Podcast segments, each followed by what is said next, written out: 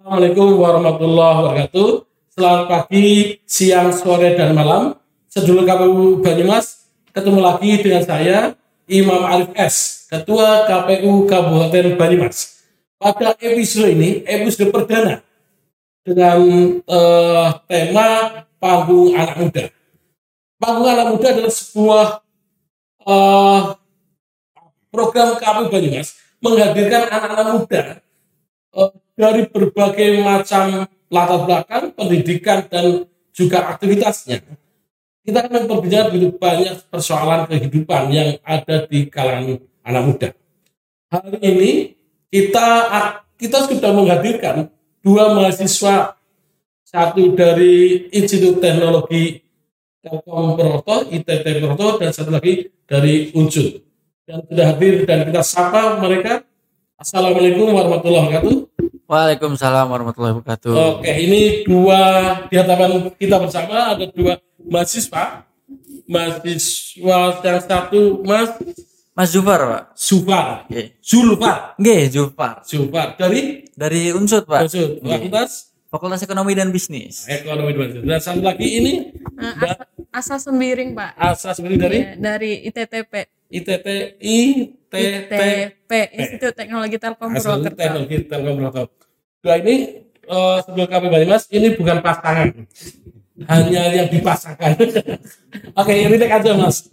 Eh, dan kayaknya dari dari apa aksen suaranya ini bukan Banyumas. Kita akan kenal lebih lanjut. Mas Jumar bukan Banyumas ya? Nggih, Pak, saya bukan Banyumas, tapi saya cinta dengan Banyumas. Oke, Tentunya. Masuk Pak Eko. ini Bogor punya ya kayaknya. Nggih, Bogor, Pak. Nah, ini kan kita kelihatan kan Banyumas itu tempat kita semua loh ya. Nggih, nggih. Kayak Indonesia gitu itu tempat kita semua. Oke Mas Julfar. Kita dengan Mas Julfar dulu. Siapa? Mas Julfar. Semester Semester 5, Pak. 5 di Fakultas Ekonomi dan Bisnis. Ekonomi Bisnis. Eh aktivitas eh, ini Mas Julfar terlibat di intra atau ekstra? Kalau saya sejauh ini masih di Intra, Pak. Intra kampus. Jadi Dari BEM Fakultas. di Fakultas Nggih. ketua atau presiden atau Eh, saya diamanai sebagai Menteri Luar Negeri, Pak. Wih, Menteri Luar Negeri. Ini masuk ini kayaknya ini.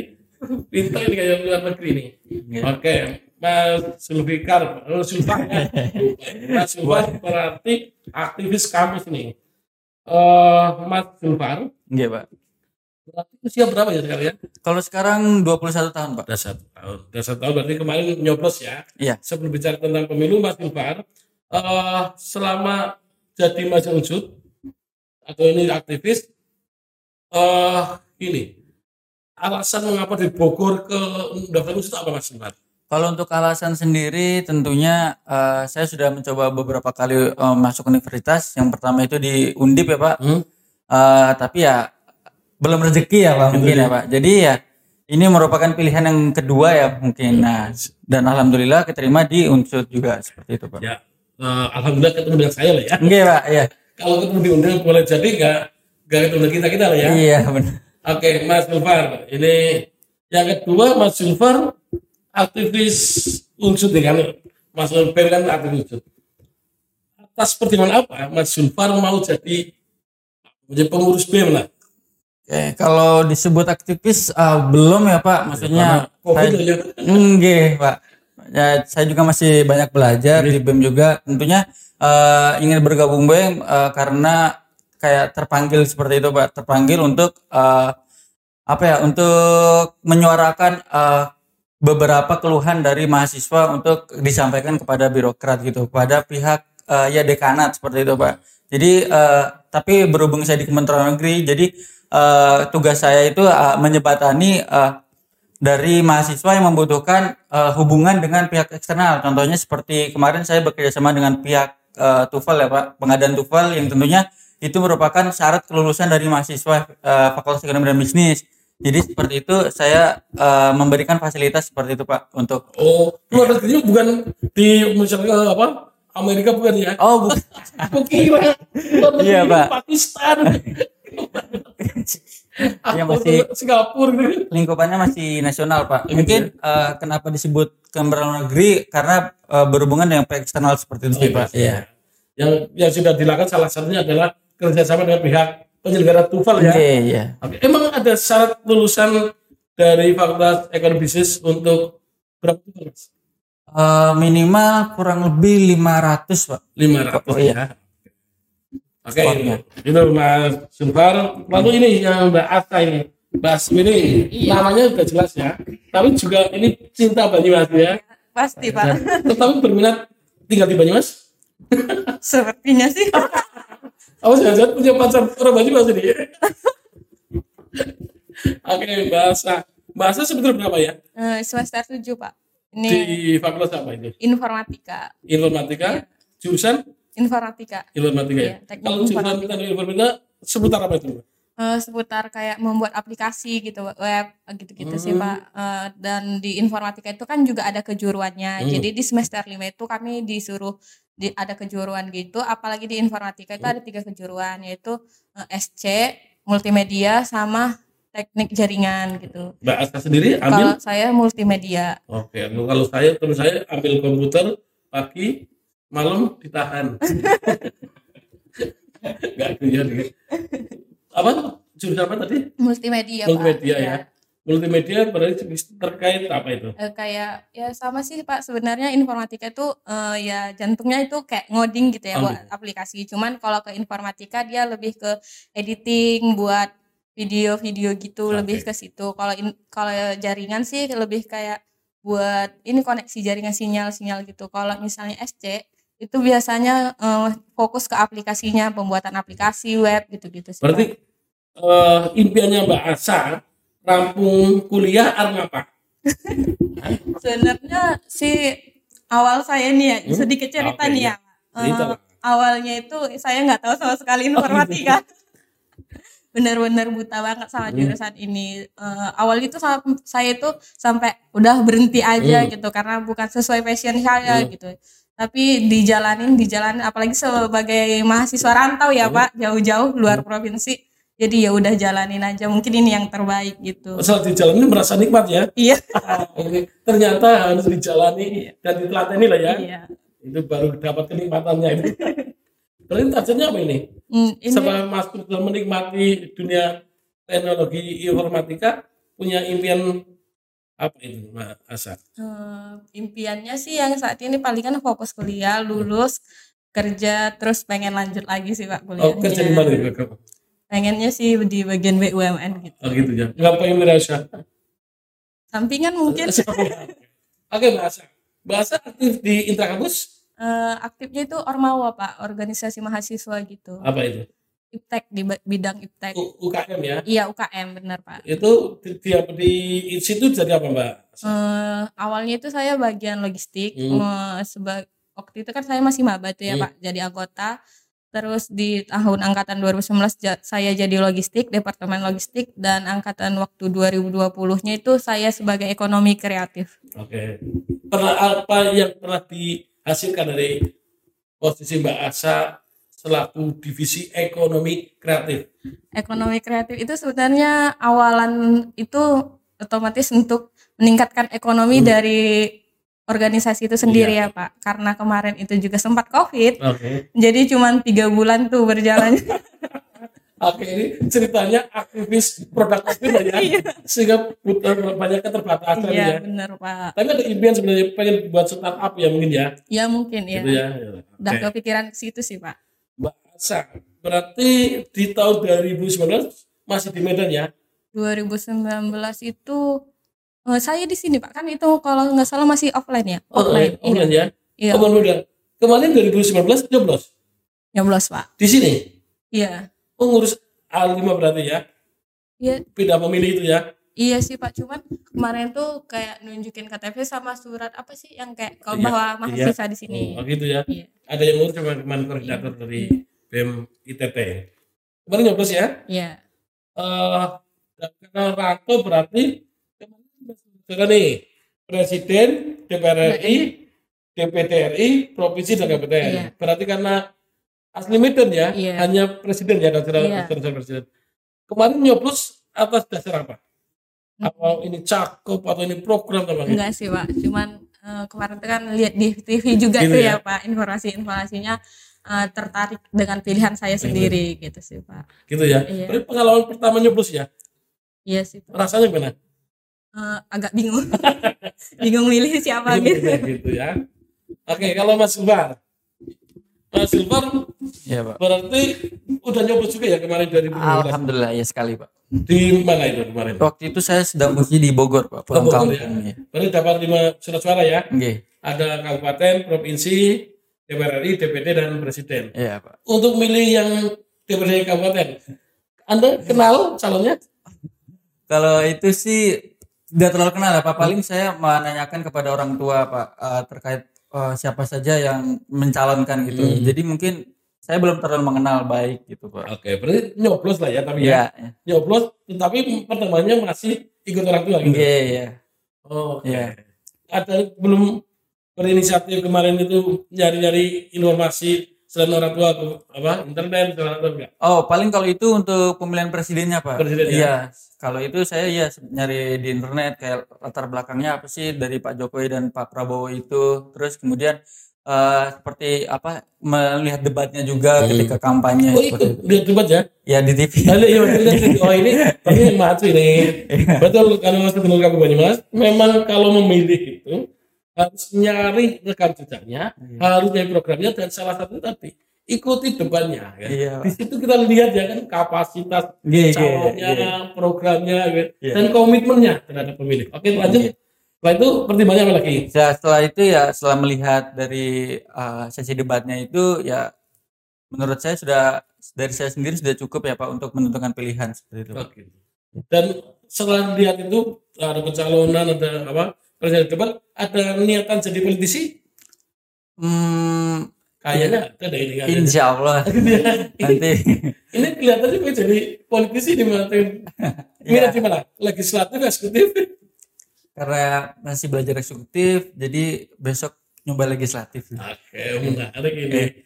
Ya harus lah. Berarti di 24 itu Mas Bufat usia berapa itu? Usia 20 pu- 23 tahun. Eh 24 tahun. Oh, udah boleh itu udah jalan anggota dewan ini. Oke. Ya, semoga saja Pak. Oke, Ya, oke, Mas. Iya, Mas Bufat ya. Oke. eh nanti Mas memilih dengan pertimbangan salah satunya nyari rekam jejaknya ke orang tua ya harus jejaknya di samping dan media yang ada. Saat ini Mas Bufat, eh ketika kemarin kan sudah nyoblos nih, Oke, Pak. lalu ada nggak mungkin eh apa Mas Bufat ada evaluasi nggak? Misalnya kok saya kepilih seperti ini atau sudah sudah ikut apa sudah memenuhi ekspektasi? Harapan Mas Bufat nggak?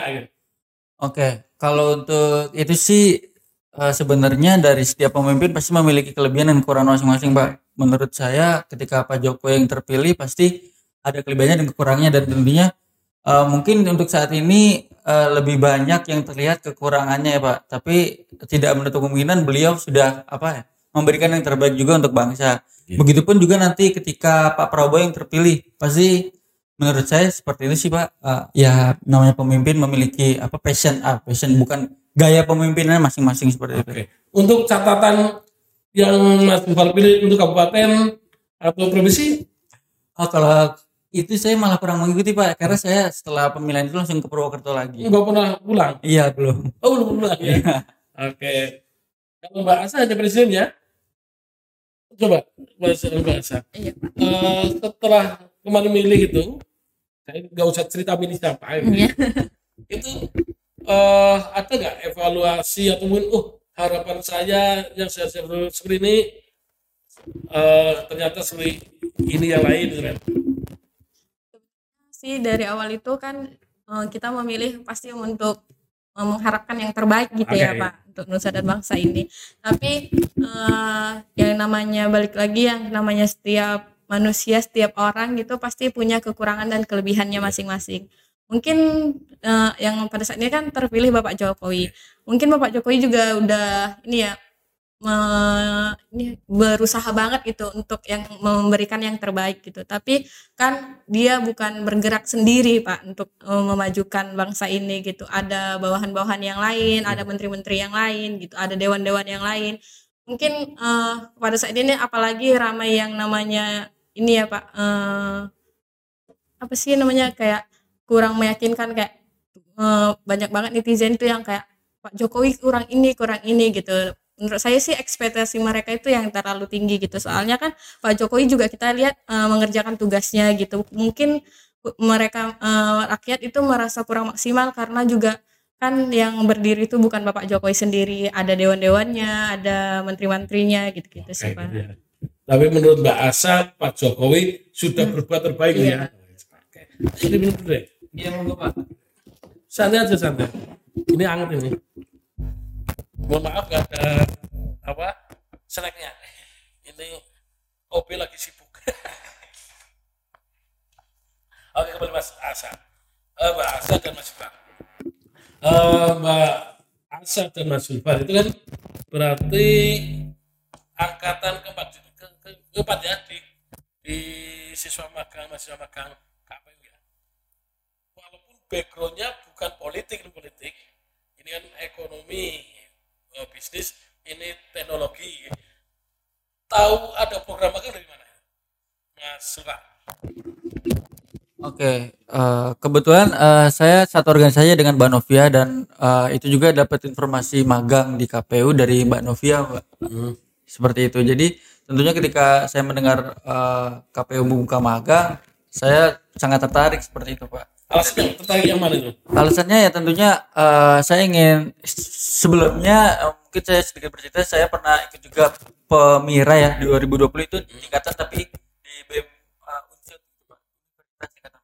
Jadi saya mungkin sudah eh, pernah belajar ya, sudah pernah belajar eh, bagaimana tentang kepemiluan tapi tingkatnya universitas seperti itu. Jadi saya ingin lebih mengasah lagi di mungkin eh, iya di KPU Banyumas seperti itu, menurut Mas Zulfan pemilu penting Sangat penting, Pak. kenapa Mas Zulfan karena eh, di situ hal yang paling urgent menurut saya karena kita eh, menentukan sosok pemimpin yang sangat menentukan bagi bangsa sih pak. pemimpin ini yang dihasilkan itu yang kelola bangsa lah ya mau makmur atau tidak terserah pemimpin itu ya atau gimana tergantung pemimpinnya Tergantung pemimpinnya ya pak.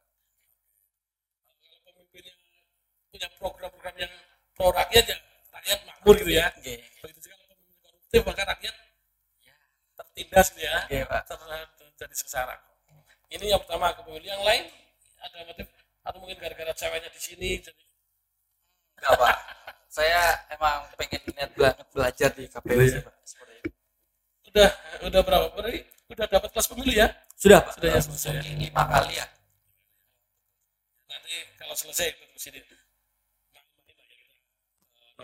bareng kalau bahasa ini alasannya apa ini Eh, awalnya itu sih saya nggak tahu ada program magang ya Pak. Cuman karena salah satu teman saya juga yang sedang magang di sini dari Hikmah itu ngajakin gitu kayak di KPU aja nih gitu. Jadi saya daftar di KPU.